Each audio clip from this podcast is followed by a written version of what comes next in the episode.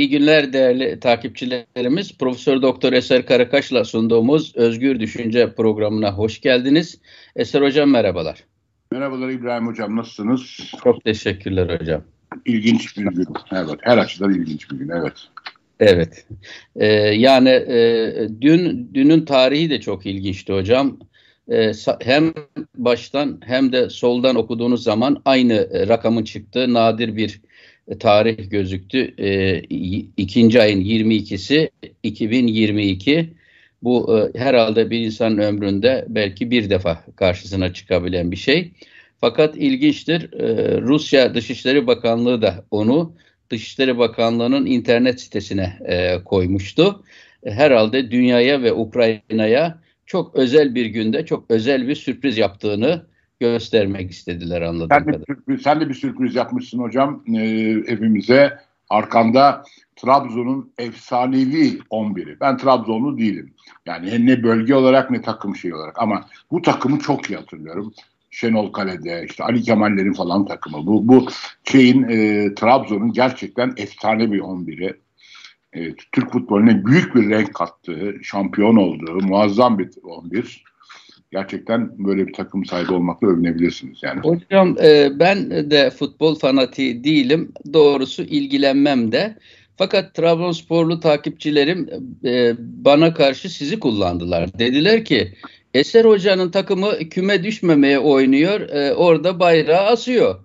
Sen şimdi bir şey yapmayacaksan e, ne zaman yapacaksın takımın için? Dedim düşündüm ne yapabilirim? Benim hatıramda, hafızamda Trabzonspor'da bu efsane kadro var tabii ki. Evet. evet. Ben en son şampiyonluğu 1984'te mi neydi Trabzonspor'un? Lisedeyken kaçak maçlara giderdik, dersleri kırardık. E, ve ben o zaman bu takımı şampiyon yapan son şampiyon bu takımın yarısı yine neredeyse o takımda oynuyordu. O ekip ayrıldıktan sonra Trabzonspor bir daha e, e, şampiyonluk görmedi mahalle aralarının amatör heyecanı, e, e, bıçkın delikanlılıkları, e, milyonlarca dolar verilerek yapılan futbolcu ithalatıyla giderilemedi Trabzon'da. Trabzon bir futbol tarlası gibi bir yer. Kendi çocuklarını biçip yemekten doymadı, bıkmadı. Yönetimde de istikrarı kuramadılar. Karadeniz'den aklıyla hareket eden insan da çok çıkmıyor. Hep dürtüyle hareket ediyorlar. Bu kadronun yarısı Faros mahallesinden değil mi aşağı yukarı? Öyle, aşağı. Bir, öyle bir şey bilirim yani doğrudur galiba değil mi? Bu kadronun yarısından fazlası mahalle arkadaşı yani çocukluktan Faros evet. mahallesinden. Değil mi? Faros'tan. Faros diyor değil mi o mahalleye? Faros evet Faros. Faros evet. evet. Ben de Trabzonspor sevdalılarına böyle bir nostalji yapmak suretiyle görevimi yapmış olayım dedim. Ben Trabzon sevdalısı değilimdir ama bu kadronun sevdalısıyımdır. Evet, evet. Ee, e, Dozer Cemil'imiz vardı bizim değil mi hocam bir tane? Ünal'ı görüyorum orada yani yanılmıyorsam.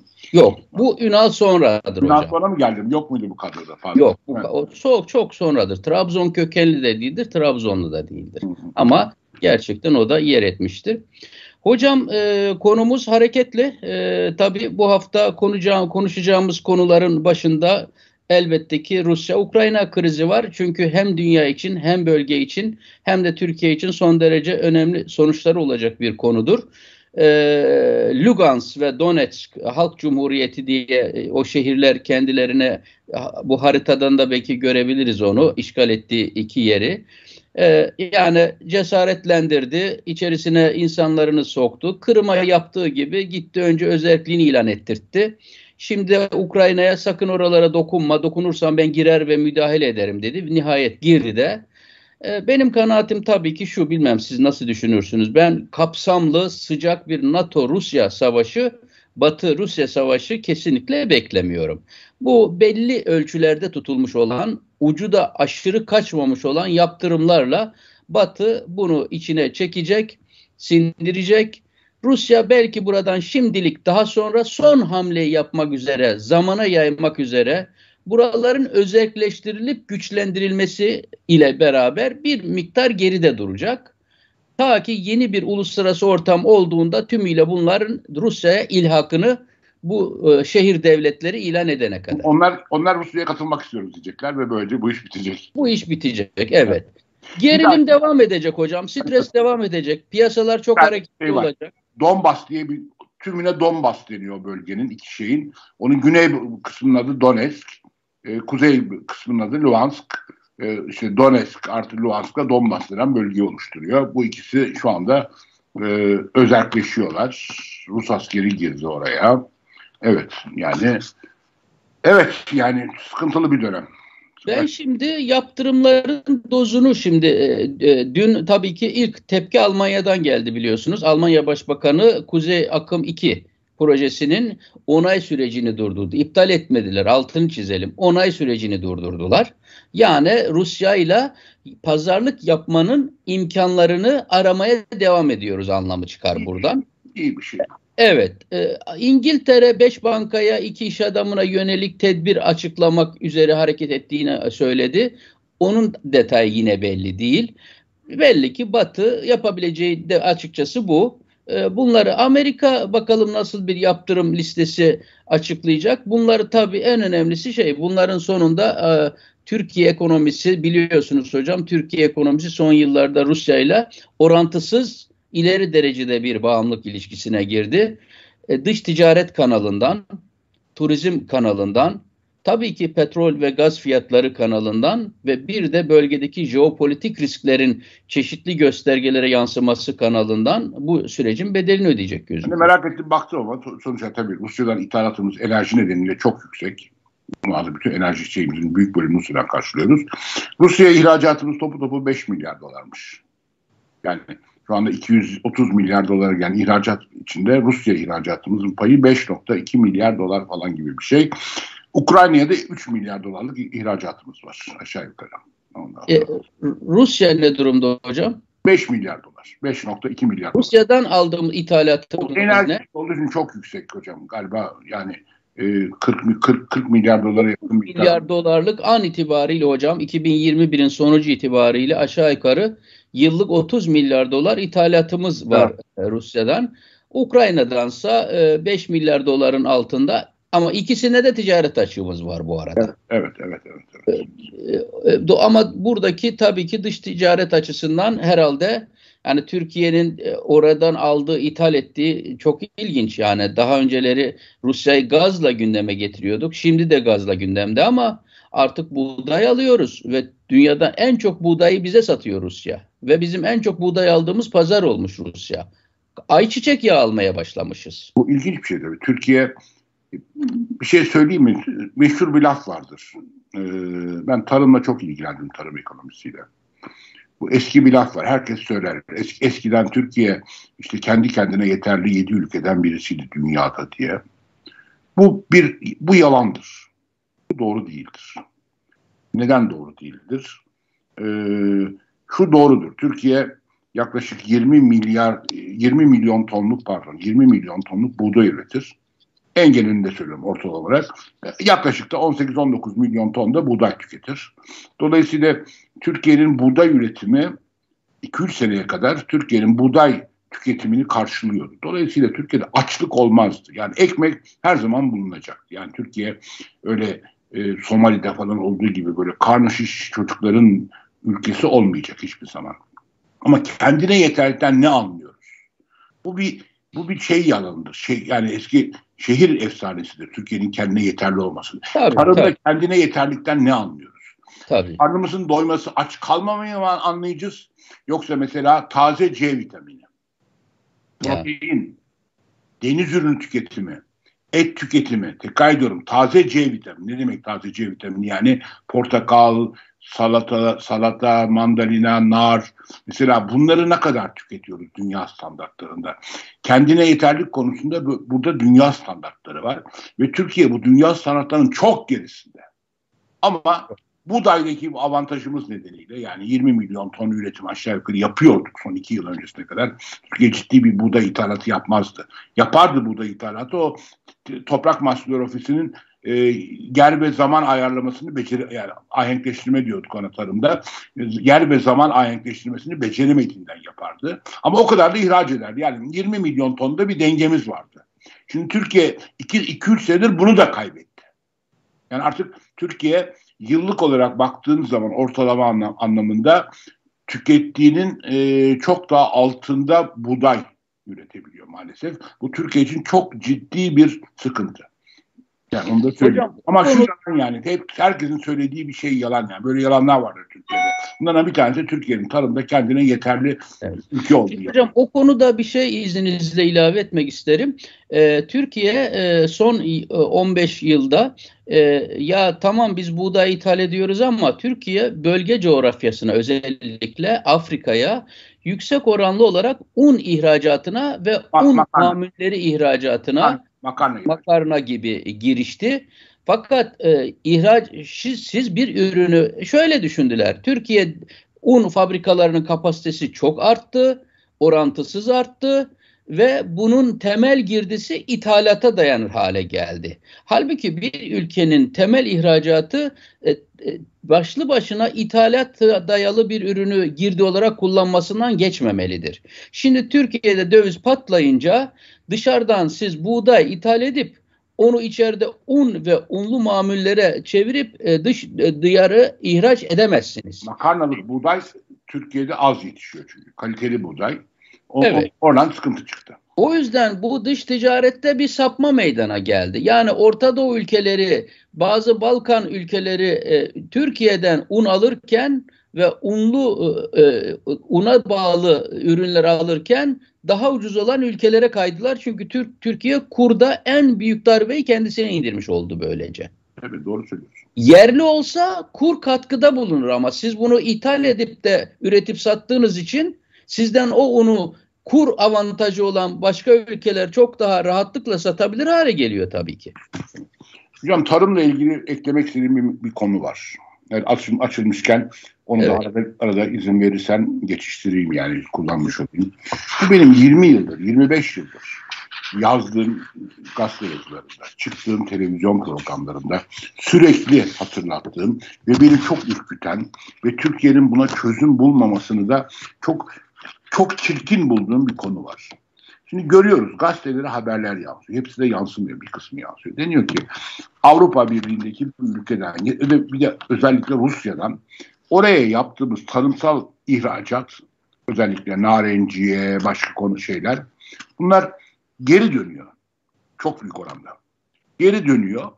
E, diyorlar ki mesela üzerinde işte bizim saptamış olduğumuz limitlerin çok üzerinde e, şey var. Zehirli zehir niteliği taşıyacak kadar tarımsal e, artık var. Tarım tarım ilacı artığı var diyorlar.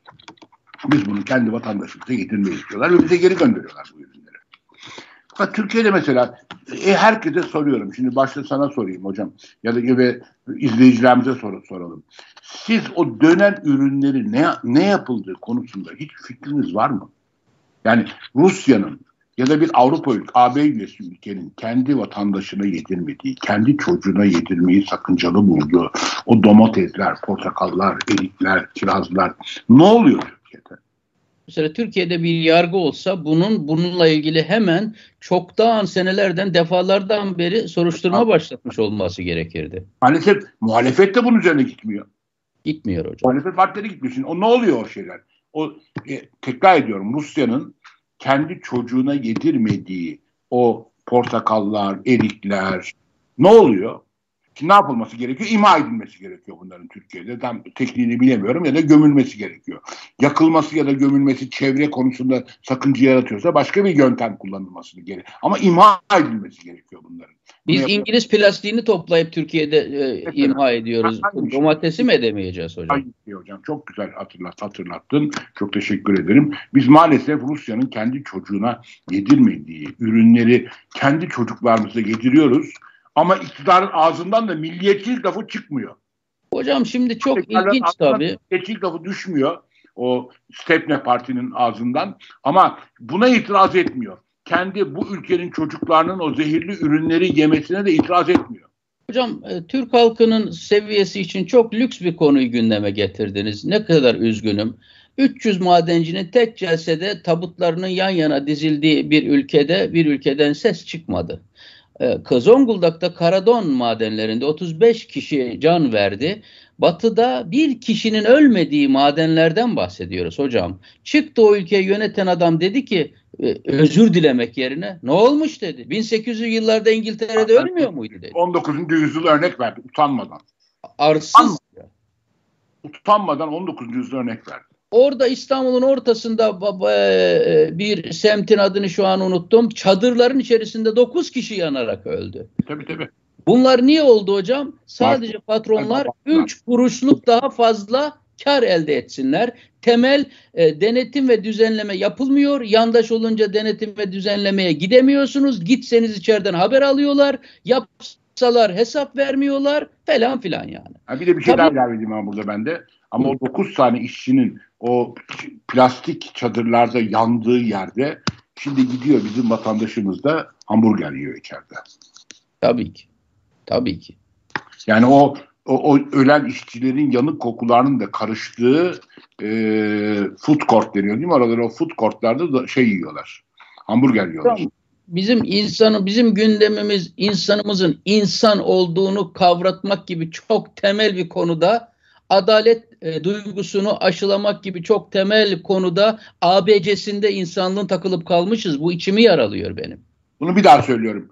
Bu tarım ürünleri konusunda Avrupa ülkelerinin Rusya'nın kendi vatandaşına, çocuğuna yedirmediği şeyleri Türkiye yediriyor ve bunu da Türkiye'deki ulusalcılar, milliyetçiler ağızlarına alıp da böyle bir kepazelik olur mu demiyorlar.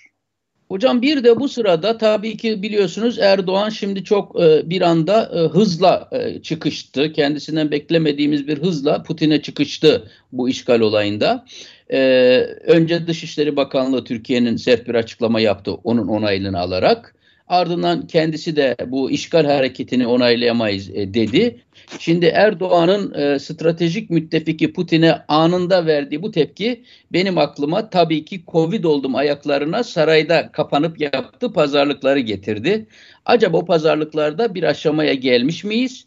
Gelmişsek şu kriz Türkiye'ye sadece dış ticaret kanalından değil, turizm kanalından da büyük bir döviz kaybettirecek. Her halükarda bu gerilim hattında geçen senelerde olduğu kadar bir Rus Türkiye'ye gelip turizm yapamayacak. Bir Ukraynalı yapamayacak.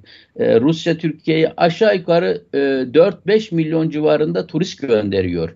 Bu aşağı yukarı 3-4 milyar dolarlık bir gelir demek ve genel olarak Türkiye'nin turizmine darbe indirileceği bir e, sürece girdik anlamına geliyor. E, dış ticarette böyle. Turizmde öyle. Doğalgaz fiyatları 100 doların üzerine doğru gidiyor. 100 e, gitti zaten 120'ye gitmiş olması senaryoları var.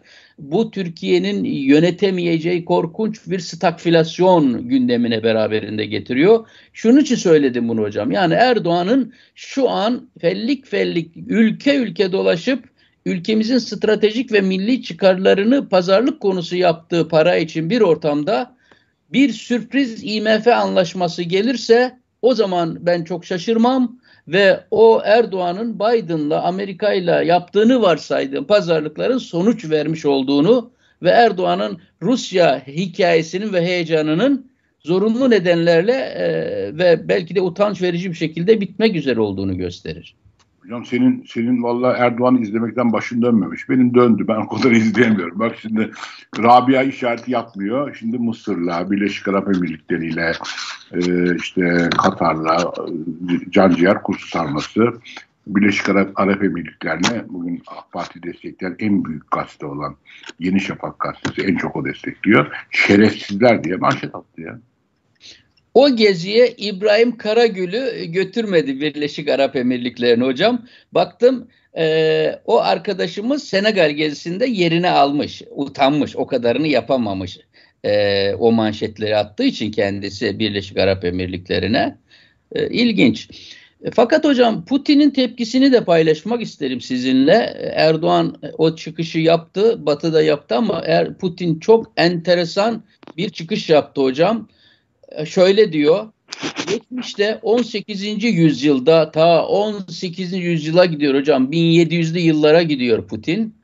Karadeniz kıyıları Türkiye ve Osmanlı'ya mücadele alanı olarak kullanılmıştı. Şimdi bu ismi yok etmek istiyorlar. Bizim diyor varlığımız Akdeniz yolunda Türkiye ve Osmanlı ile mücadele ele geçmiş. Karadeniz kıyıları deyince bizim aklımıza, hafızamıza bu gelir diyor.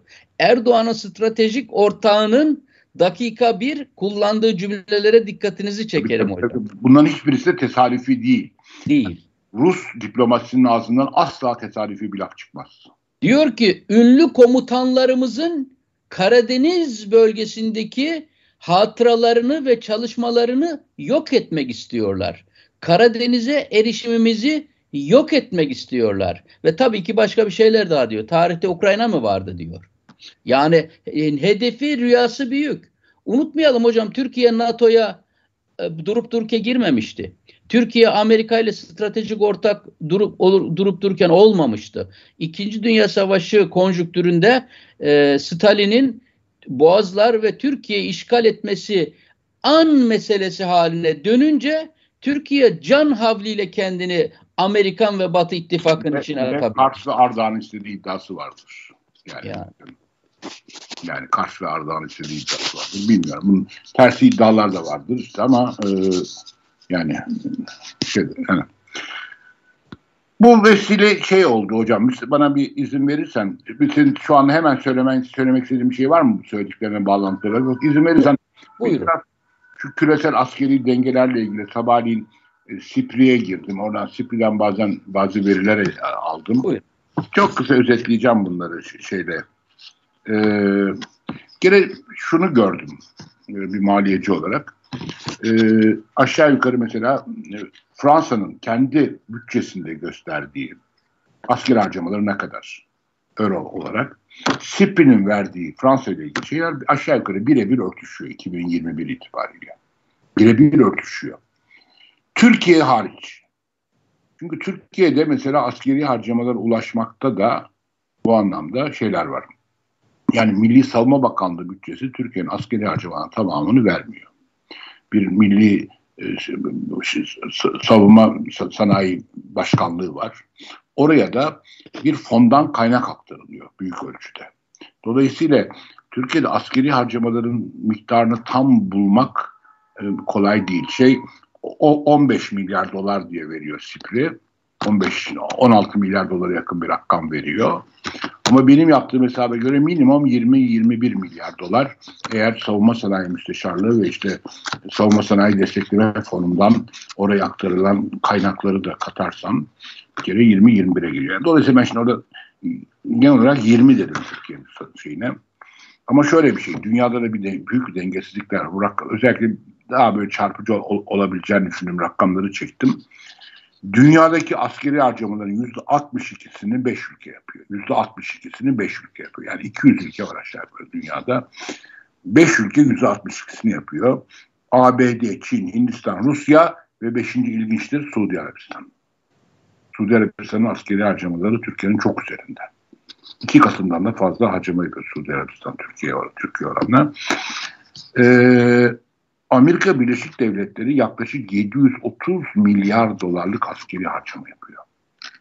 Şimdi bunu neden çok ilginç diyorum? Çin 290 milyar dolar. Yani aşağı yukarı Amerika aşağı yukarı diyorum. Çin'in e, askeri harcamasının 3 katı kadar askeri harcama yapıyor. Rusya 70 milyar dolarlık askeri harcama yapıyor. Yani aşağı yukarı Amerika'nın askeri harcamanın onda biri kadar. Bütün bunların sonunda sana bir soru soracağım izin verirsen bana. Yani ne düşünüyorsun diye. Ben ben düşünüyorum çok net bir şey çıkaramadım aklımda. Hindistan 75 milyar dolarlık bir askeri harcama yapıyor. Yani Rus aşağı yukarı Rusya kadar yapıyor.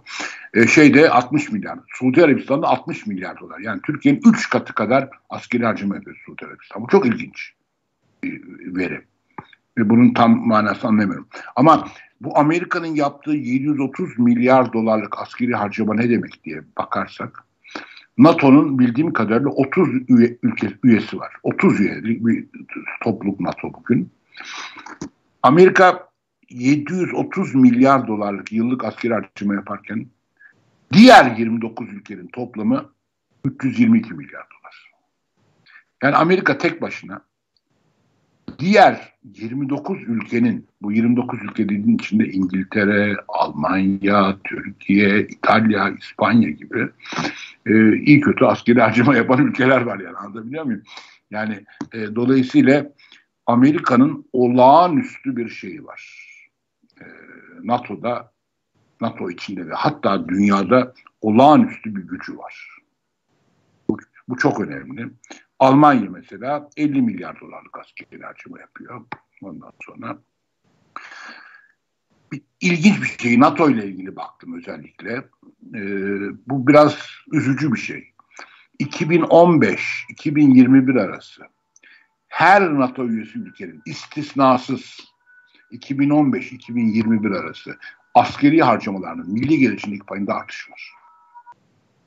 Ya dünyada açlık, işte Covid, eğitimsizlik, internete ulaşır. Yani ne bileyim bir sürü çok önemli insani, beşeri sorunların yaşandığı bir yerde. Bu bir toplumsal, bir küresel çılgınlık gibi bir şey. Dünyadaki aşağı yukarı bütün ülkelerin askeri harcamaları artıyor. Bu bir kü- küresel bir çılgınlık. Ama bir şey soracağım. Bunu e, ilginç. Bak, bak, senin de cevabını ver. NATO üyesi ülkeler içinde askeri harcamaların milli geliri oranı 2015 ile 2021 arasında en çok artan ülke hangisi? Bilmiyorum hocam. Yunanistan. Türkiye'dir diye Yunanistan. Yunanistan. Yani şu işin mantıksızlığına bakar mısın hocam? Şimdi büyük bir dış borç yükü var. Milli gelirinin çok üzerinde. Yani milli gelirinin, dış borcunun milli gelir oranı yüzde yüzün çok üzerinde bir ülke. Yunanistan. Krizden yeni çıkmış. Hatta ne kadar çıktığı da belli değil. Yani çık, çıkıp, çıkıp çıkamadığı da belli Çok değil. doğru. Böyle bir ülkede 2015-2021 arasında askeri harcamaların yani ne kadar 3.8 milli gelir oranı. Amerika'da bile daha düşük. Amerika'da 3.3 aşağı yukarı. Milli gelir oranı. Kesin arge harcamalarının böyle bir oranı yoktur Kesinlikle yani. Kesinlikle yok. Türkiye'de 1.6. Ondan sonra e, Türkiye toplam işte 20 milyar dolarlık bir askeri harcama yapıyor. Yunanistan 7 milyar dolarlık askeri harcama yapıyor. Yani 27 gibi bir oran var ama tabii Yunanistan'ın milli geliri Türkiye oranında çok daha düşük olduğu için oran olarak çok yüksek çıkıyor. Yunanistan'la Türkiye arasında bir temel fark daha var hocam. Ee, Türkiye tabii ki belki tırnak içinde e, Erdoğan döneminde bir başarı e, olgusundan bahsetmek gerekirse kendi savunma sanayine Evet. e, çok büyük yatırım yapmak suretiyle Evet. e, dış silah alımına olan bağımlılığını bir takım kategorilerde hem azalttı hem de bir takım kategorilerde İHA gibi insan hava savunma araçlarında olduğu Önemli. gibi Çok önemli bir şey. Doğru söylüyorsun. evet. Ee, AKP'nin aşağı yukarı ender gösterebildiğimiz başarısı, başarılarından bir tanesi. Yani çok ender gö- gösterebilecek bir başarısı. Ama dediğim gibi buradan çıkan manzara şöyle bir şey yani. Bunu nasıl değerlendirirsin? Yani Amerikan Amerika Birleşik Devletleri'nin çok net bir küresel askeri harcama şeyi var, üstünlüğü var. Yani mukayese edilemeyecek şey. Biliyorsunuz Putin e, Putin demişim Trump e, bu durumu bir e, Amerika'nın bir sorunu olarak müttefikleriyle masaya koydu ve hepiniz elinizi artık taşın altına koyacaksınız. Amerika sizin için Amerikan üslerini harcamalarını finanse etmeyi bırakacak dedi. Bunu Japonya'ya feci dayattı ve Japonya kabul etti. Çünkü Çin'e karşı Japonya'yı destekliyor. Dolayısıyla bu Amerika da aslında bu durumun sürdürülemezliğinin farkında yani. Mesela bir de şey var ki o çok az konuşulan bir şey. Ben ona bir nedenden bakıyorum. Bir de askeri uzay harcaması diye bir kategori var. Askeri uzay harcaması. Şimdi bu çok önemli bir şey. Ee, yani hava, hava kuvvetleri alakası olan bir şey değil. Uzay ama şey de. Uzay ama yani Mars'a gitmek için yapılan NASA'nın yaptığı harcamalarla alakası yok. Askeri harcama bu ama uzay yani satelitler üzerinden askeri harcama. Rusya 7 milyar dolar gibi bir şey harcıyor. Amerika 60 milyar dolar harcıyor. Bütün Avrupa Birliği ülkeler 6 milyar dolar harcıyor. Anlatabiliyor muyum? Çin'de aşağı yukarı bu hiç yok. Çin'de sıfıra yakın. Çünkü böyle bir teknolojileri yok şu anda. Şimdi hocam bu askeri harcama uzay dediniz aklıma Erdoğan'ın Birleşik Arap Emirlikleri'nde gençleri toplayıp e, Arap gençleri toplayıp onlara 2023 yılında uzaya sert iniş yapacağız e, diye açıklaması aklıma geldi. Acaba diyorum oradaki gençlere tamam da bizim ülke çok ucuz kapatılacak çok ucuz mal var ne olur bize birkaç milyar dolar verin diye bu ülkeye niye geldin o zaman diye düşünmüşler midir diye Soramam. merak ettim. Or oralarda pek demokratik yerler olmadığı için soramamışlardır. Soramamışlardır. Herkes korkmuştur. Bak mesela bir şey anlatayım. Bu çok bu bir- çok önemlidir. Kimse kızmasın. izleyicilerimizin de olmasın. Ee, Büyük Anıtlı Genelkurmay Başkanı Kuzey Irak'a bir kış günü çok yoğun kar altında bir askeri e, harekat düzenlendi Kuzey Irak'a. Ve bu askeri harekatta girirken Amerika ile anlaşıldı. Ve Amerika bize işte bu askeri uzay teknolojisini kullanarak Türkiye'ye şey sözü verdi. Bütün PKK güçlerini sana nokta olarak bildireceğim. Tek tek. Yani 10 kişi bile varsa ben onu sana bildireceğim dedi. Ama sen de harekatını şöyle sınır tutacaksın dedi. Yani bu garantiyi de verdi. Bu garanti ne demek yani? Sen e, bir PKK baskınına maruz kalmayacaksın demek. Ben sana söyleyeceğim. Sana yaklaşıyor işte. 5 kilometre ötende 50 tane PKK'lı var diye sana bildireceğim dedi. Bildirdi de. Türkiye bir yere kadar gitti. Fakat galiba orada şeyimizi açtık. O Amerika'nın çizdiği bir sınır ne? Yani bu hoş gelmeyebilir kulağa ama neden olduğunu söyleyeceğim şimdi hoş. Ondan sonra ve galiba Türkiye o şeyin biraz dışına çıkınca belki de o işte oradaki savaşmanın getirdiği heyecanla mı değil nedir bilmiyorum artık yani bir anda Amerika şeyi kesti. Ee, bu nokta bilgilendirmeyi kesince çok zor durumda kaldı Türkiye ve büyük anıt kimse açıklanmadı bu. Bir gecede bütün askerleri tekrar sınırlamasını çekti. Baktı ki yani çünkü bir, muazzam bir kış ortamıydı. Ancak öyle bir nokta bilgi şeyle girilebiliyordu oralara. Onu durdur bir anda kesti Amerika. Bunu kesince e, bir gecede büyük anıtta şeyi geri çekti. Bütün askeri tekrar sınır içine çekti. Yani bu kadar önemli bir şey. Dolayısıyla ama şimdi şunu sorsam senden bir yorumunu istirham etsem. Bu benim, şimdi bu alem günü savaş konuşuluyor. Böyle bir askeri güç dengesizliği hem Rusya hem Çin hem Avrupa Birliği falan. Bunun siya küresel siyasete yansıması sence nasıl olur hocam? Ben de bir yorum yapamıyorum yani şu anda. Yani ben şöyle bir yorum yaparım. Yine de sınırlı olur hocam. O silah, yıkıcı silahların kullanılmasında insanlığın sonunun gelmesi Demek mukadder gibi bir potansiyel herkeste olduğu için bu karşılıklı caydırıcı bir şey. Sınırlı etkisi olur yok, diye yok. düşünüyorum. Yani buradan da uyumlu bir şey çıkıyor. Çünkü burada şey de yok yani mesela Çin'in tabii bir buçuk milyarlık bir nüfusu var. Muazzam bir nüfus. Ona göre isterse 500 bin askeri belki seferber dahi edebilir. 300, 350, 400, 400 milyon askeri seferber edebilir. 350-400 milyon askeri. Kaldı ki artık orduların e, büyüklüğü, kara kuvvet.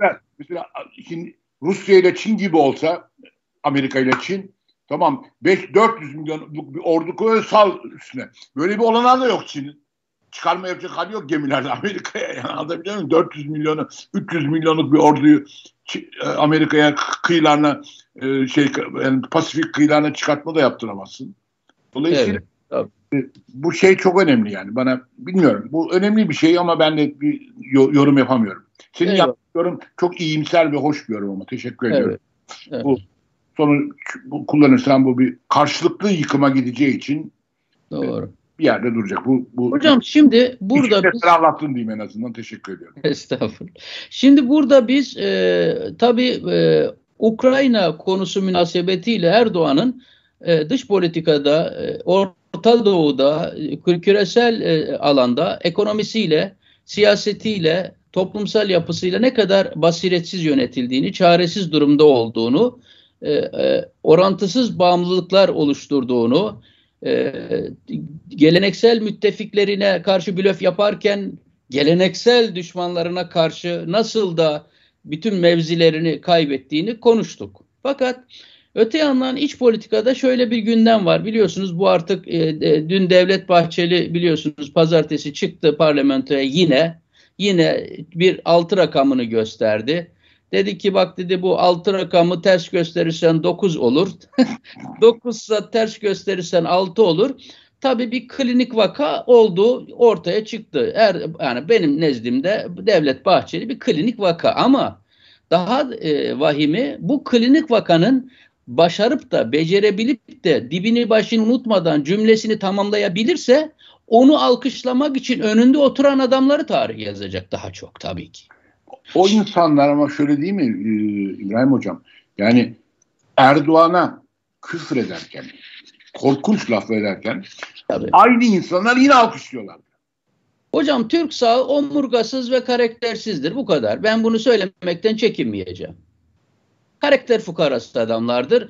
Liderlerinin önünde hangi yöne yatın derse kıbleleri liderlerinin parmak gösterdiği yöndür. Vicdanları ve beyinleri çalışmamaktadır ama ben başka bir şey gündeme getirmek istiyorum. İktisat profesörü olarak. Niye? Bu insanların doğasında mı var böyle bir karaktersizlik yoksa çok büyük bir rant akışını siyaset belirlediği için mi? Hocam ikisi birden. İkisi birden. Hem coğrafyamızdaki e, birey kültürünün oluşmayıp haysiyet oluşumu çocukluktan itibaren şekillendirilmediği için mantık, felsefe, akılcılık e, geliştirilmediği için bir yandan ne kadar cemaat, tarikat, örgüt, parti lideri varsa tanrısal bir bağlılık içine giriliyor ve bu sorgulanmıyor. Bundan norm, anormal bir şey görülmüyor. Öte yandan da sizin buyurduğunuz gibi zaten bunlar gırtlağına kadar rantın içinde. Şimdi düşünün geçenlerde İyi Partili bir siyasetçi bir iki laf etti. E, meğersem Sakarya'da kendisinin de çevreyi tahrip eden işletmeleri varmış. Erdoğan çıktı dedi ki sen dedi öyle konuşuyorsun ama dedi Ziraat Bankası'ndan aldığım bilmem 35 milyon TL'lik krediyi de sana hatırlatırım dedi. Hemen orada anladık ki yani CHP'nin ben hocam şunu söyleyeyim size. Erdoğan inat etsin, ısrar etsin, iyi odaklansın, CHP'nin yarısını istifa ettirttirir. E, MHP'nin zaten onunla birlikte İyi Parti'nin yarısını istifa ettirtirir. Çünkü devleti ele geçirdiği için kendi malı olarak muamele ediyor. Bir MHP'linin, bir CHP'li iş adamının gidip X bankasından bir kredi almış olmasını ben sana rant verdim diye değerlendiriyor. Devlet yok, kurum yok. Bu hafta olağanüstü ilginç bir olay oldu Ankara'da. Ankara'da e, Adalet ve Kalkınma Partisi il başkan yardımcısı mı öyle birisi e, şeyden Ankara Büyükşehir Belediyesi'nden bir ihale kazandı. Bir ihaleye girdi ve belediyede e, bu, bu işin iyi tarafı en iyi teklifi o verdi diye ona vermişler ihaleyi. Adamı partiden attılar. Sen nasıl Ankara'da ihale alırsın diye. Ya. Büyükşehir Belediyesi'nden. Durum. Şimdi hocam ben başka bir şey için bunu söyledim. Şimdi bu altı partinin bir araya gelmesini Erdoğan ve Devlet Bahçeli seviyesiz bir üslupla itibarsızlaştırmak üzere bir kampanya başlattıkları anlaşılıyor. Şimdi az önce Erdoğan'ı anlattık. 22 20 senelik siyasetinde Türkiye'yi ne hale getirdiğini gördük. Bakın sizinle sırasıyla birkaç tane fotoğraf paylaşayım. Bir tanesi bu hocam. Erdoğan'ın altı benzemez diyerek aşağılamaya çalıştığı kişiler bunlar.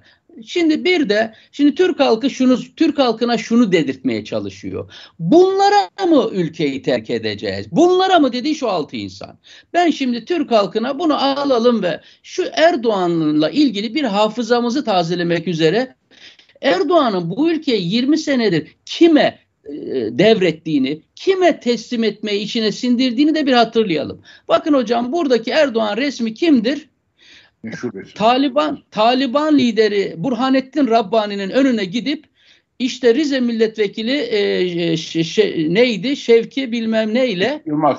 Şevki, Şevki Yılmaz'la önünde diz çöküp yani bir bir kendisine tarikat, bir dini lider, bir önder olarak gördüğü bir kişinin önünde gitmiş. Nitekim geçen durup dururken demedi. Dedi ki bizle Taliban arasında dedi dini yorum konusunda bir fark yoktur dedi. İşte ta 30 sene önce gitmiş önüne diz çökmüş. Başka bir fotoğraf. Yani, e, şey, çizgisini sürdürüyor Erdoğan yani. Burası sürdürüyor. Bir, bir fotoğraf daha yok. koyalım. Bu ikinci fotoğrafa yorum yapmayacağım. Sadece Türk milletine şunu söylemek için. Bakın şu fotoğraf Türkiye ortalamasıdır. Türkiye ortalamasıdır. Hakkari, Şırnak, Trabzon, Çaykara, Sürmene her nereyse e, Adana, Antalya Türkiye ortalamasının piknik fotoğrafıdır. Şu Erdoğan'a Türkiye'yi teslim ettin getirip o manzaraya. Başka bir tane daha son paylaşalım hocam ve şu bir cümle kurmak için söyleyeceğim bunu ben. Ee, yani e, bu fotoğrafa sen ülkeni teslim etmeyi kendine sindirdin. Peki bu altı liderin nesi var da Erdoğan bunlara mı siz ülke teslim edeceksiniz diyor. Ee, yani Temel Karamollaoğlu'nun siz belki biliyorsunuz Fotoğraf, hocam. Ben... Şey- hocam yani bir önceki fotoğrafla ilgili o piknik fotoğrafıyla ilgili sorulması gereken temel soru bence. Orada Erdoğan da e, evli, çocuklar var falan değil mi? Yani kucağında Sümeyye Hanım herhalde falan yani bilmiyorum. Ondan sonra Esra Hanım herhalde annesinin kucağındaki. Oradan bu, bu çok mütevazi son derece senin dediğin gibi bir şey aile ortamından bugünkü bu büyük zenginliğe nasıl gelindi? Gemicikler nasıl alındı? O gemicikler nasıl büyük gemiler oldu, büyük filolar oldu? Bu, esas soru bu. 500 milyon dolarlık Katar'dan alınan uçaklara binmeler, Diyanet İşleri Başkanı'nı özel uçakla Pakistan'a göndermeler, koca uçak filoları yapmalar, 1150 altın kakmalı odayla. Hocam ama ben orada bunu demeye çalışmıyorum. Ben başka bir şey diyorum. Türk milletinin önüne şu fotoğrafı koysanız o tarihte deseniz ki bakın Taliban'ın önünde bu adam diz çöküyor burada. Bir de şu piknikteki şu aile görüntüsü. Siz devletinizin geleceğini şu kapasiteye, şu gördüğünüz fotoğrafa emanet eder misiniz? Bu altı lidere bu millet niye kuşkuyla yaklaşmalıdır? Niye yanlış bir perspektif içindedir? Onu göstermeye çalışıyorum. Temel Karamanlıoğlu hocam en yaşlısıdır. Manchester Üniversitesi Institute of Science and Technology mezunudur biliyor musunuz? Tabii tabii tabii. tabii. Çok güçlü İngilizcesi vardır ve eğitimini yurt dışında almıştır. En Aynı şekilde Demokrat Parti hani en çok halkın tanımadıklarından bahsediyorum. Demokrat Parti'nin e, lideri Gültekin Uysal Bilkent Üniversitesi Kamu Yönetimi Siyaset Bölümü mezunudur. Amerika'da Houston Üniversitesi'nde gitmiş dilini falan geliştirmiştir devamında. E, Meral Akşener bir öğretmendir ve donanımlı bir siyasetçidir. Ali Babacan e, birikimini Ahmet Davutoğlu profesördür. Üç dilde konuşur. Bunların hocam şu fotoğrafın hiçbiri benim idealize ettiğim number one insan tipi değildir. Ama ben şunu söylemeye çalışıyorum. Sen şu piknik yapan e, e, Taliban liderinin önünde e, oturup diz çöken adama bu ülkeyi teslim etmişsen şu birikime şu biri biri profesör, biri öğretmen, birisi İngiltere'de eğitimini almış Ali Babacan bunlara teslim etmem nedir ya? Ona etmişsen bunu fazlasıyla edersin, başına da koyarsın. Bir de bunlar Türkiye'nin önüne bir, e, bir vizyon koyuyor, birikim veriyor. Yani sadece Türk halkının e, perspektifini düzeltmesini gündeme getirmek için bunu söyledim hocam. Hocam şeyle e, sen bir kitap tanıtımında yapacaksın herhalde galiba değil mi? Ama bir şey bir konuyu hatırlatmak istiyorum. Bugün Hı. Türkiye'de tabii Türkiye'nin gündemi çok hızlı değişti. Yani bu Rusya'daki gelişmeler sonrasında. Ama çok önemli başka bir gelişme daha oldu. Kıbrıs'ta Halil Falyalı cinayeti sonrası e, işte orası kumarhaneler kralı deniyordu Falyalı'ya. Falyalı'nın işlettiği kumarhaneleri Alaaddin Çakıcı şu anda işletmeye başlamış. Bu nasıl bir şeydir? Yerli ve milli mafyamızı oraya mı ihraç ettik? Evet, evet, evet, evet, evet. Ve şöyle bir laf var. Yani çok kötü bu cümle. Yani telaffuz etmekten bile rahatsız oluyorum ama mesela Falyalı'nın e, Kıbrıs'ta çok seviliyor olması, cenaze, cenazesine Kıbrıs bayrağı, Türk bayrağı falan konması nedeni Kıbrıs halkının Türkiye'den gelen mafyayı sevmediği, bari olacaksa kendi mafyamız olsun demişler. Bunu ciddi ciddi yani bu şaka değil bu söylediğim. Ve Türkiye'den gelen mafya da çok sıcak bakmıyorlarmış ama Çakıcı zaten uzun zamandır Kıbrıs'taydı. Ve niye Kıbrıs'taydı? Yani başka niye Antalya'da, Bodrum'da, Alanya'da değil de Kıbrıs'taydı? Bunun da anlaşılması kolay bir şey değil. Hukuki bir sorunu da yok. Ama Çakıcı'ya devredilmiş. Ben Kıbrıs'ta mafya sürecinin özelleştirme ya da kamulaştırma demiyorum artık. Ana vatandaştırılması adını veriyoruz buna. Çok Çünkü doğru. Kıbrıs mafyası ana vatandaştırıldı maalesef. Çok doğru. Çok doğru. Maalesef. Maalesef maalesef ve bu Falyalı cinayetinin de hiçbir zaman aydınla, aydınlanmayacağını iddia ediyor. Ha birileri bulunacak. Belki bütün yedi sülalesine yetecek kadar para karşılığında da muhtemelen belki bir sürü hapis yatacak. Herhalde 23'te af çıkacak demişlerdir ona bir de. Ondan sonra e, fakat hiçbir zaman kim niye öldürdü Falyalı'yı? Falyalı'yı oraya mutlaka e, ana vatana daha yakın kişilerin e, Kıbrıs'taki maf mafyaya ve oradaki büyük ranta e, kökmesi için yapıldığı artık birazcık daha netleşiyor galiba. Çok üzücü, çok üzücü bir şey. Yani sabah dehşete düştüm. Yani o kumarhaneleri Çakıcı'nın çalıştığına başladığını duydum. Evet, hocam çok doğru bir konuyu gündeme getirdiniz. Zamanımız da dolmak üzere. Ben de kitap tanıtımından vazgeçeceğim ama bir konuyu ben de çok kısaca gündeme getirip bitirmek isterim. En azından kitabın ismini söyle. Bir bir şey olsun. Ne olur. Evet yani şöyle ben, bir ailenin e, bir, bir kişinin eşi eşi evet. yani şu an şu an Türkiye'de devlet ve piyasa mekanizması birbirine girmiş ve karman çorman olmuş. Piyasa yönetilemiyor. 20 senelik bir iktidar e, dünyada petrol fiyatları ucuzken, döviz bol ve ucuzken, dış ticaret patlamış giderken, Türkiye e, Avrupa Birliği yolundayken, her şey muhteşemken, Türkiye'ye paralar oluk oluk akarken Türkiye'nin ne sanayisini dönüştürdü, ne ekonomisini dönüştürdü, ne katma değerini artırabildi, ne teknolojini yükseltebildi ve bir dönemi e, cırcır böceği gibi e, yiyip içip e, Erdoğan e, keyif çatarak geçirdi. Şimdi dünyada e, döviz kaynakları kurumak üzere ters dönüyor. Faizler artıyor, jeopolitik riskler had safhada, petrol, enerji fiyatları had safhada yapmadığı bu yatırımların, yapmadığı bu e, e, dönüştürmelerin sonucu Türkiye'nin üzerine geliyor, çöküyor ve e, Türk sanayicisi şu an emeği sömürmekten başka, ucuz emek çalıştırarak iş e, ihracat yapmaktan başka adeta gündemi kalmamış bir yapıyla karşı karşıyayız. Türkiye'de ne oluyor diye soru sorduğumuz zaman bu vesileyle o zaman ben bu kitap tanıtımında yapmış olayım. Madem zaten konuşuyorum konu üzerinde. E, hocam tabii ki e, çok kitap var bu konuyu açıklayan ama beni etkileyen en kaliteli kitaplardan birisi benim de ekonomi hocam olmuş olan kendisinden master düzeyinde de iktisat metodolojisi dersi almaktan gurur duydum. Profesör Doktor Ayşe Buğra, Boğaziçi Üniversitesi e, öğretim üyelerinden. E, bunun Ayşe Hoca'nın Türkiye'de Devlet ve İş Adamları adını taşıyan kitabının muhakkak surette okunması gerektiğini düşünüyorum. Terörist, terörist dostu dedi değil mi birisi? Utanmadan Tarık Buğra'nın kızına e, Türkiye'nin en nitelikli akademisyeni bir de insan mı insan? Hocam size bir şey söyleyeyim mi? Ben öğrenciliğimde öğrencilerime ben hocam yani e, siz diye hitap ederim. Ben öğrencilerime birinci sınıf ya da bilmem kaçıncı sınıf olursa olsun ben öğrencilerime siz diye hitap ederim. Çünkü ben bunu Ayşe Buğra'dan öğrenmişim. Çok ilgimi çekerdi. Öğrencilerine kim olursa olsun siz diye hitap eden tek hocamdı. Sadece o düzenli ve istikrarlı siz diye hitap ederdi. Ayşe Buğra'ya e, ne insani olarak ne bilim kadını olarak ne e, bir e, Türk vatandaşı olarak kimsenin ağzını açma şansı yoktur. Teşekkür etmemiz gerekir.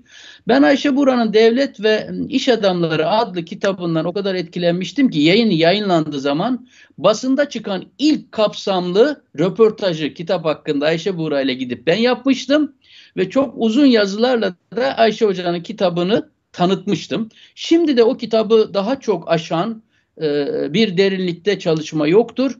Mesaj şudur o kitaptan çıkan hocam. Doğrudur. Türkiye'nin iş adamları bir rantiye oldu.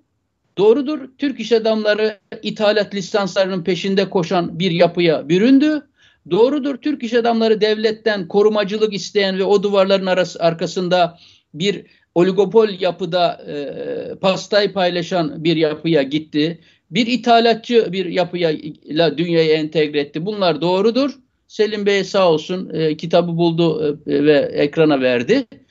E, ama bu bütün bu deformasyonun, erozyonun, korozyonun nedeni bir türlü e, devlet olmayı beceremeyen, istikrarı yakalamayan siyaset nedeniyle iş adamları bu hale getirildi. İş adamları doğası gereği bu halde değildir. Devlet onları kendi istikrarsızlıklarını, kendi merkeziyetçiliğini, kendi ideolojisini onların sırtına yüklediği için karşılıklı bir simbiyosis oluştu hocam. Birbirlerinin sırtında siyasetçi ile iş adamı karşılıklı birbirlerinden beslenen bir simbiyotik ilişkiye, bir e, e, tek yumurta ikizlerine dönen e, bir e, olguya dönüştü. Bunu anlatıyor.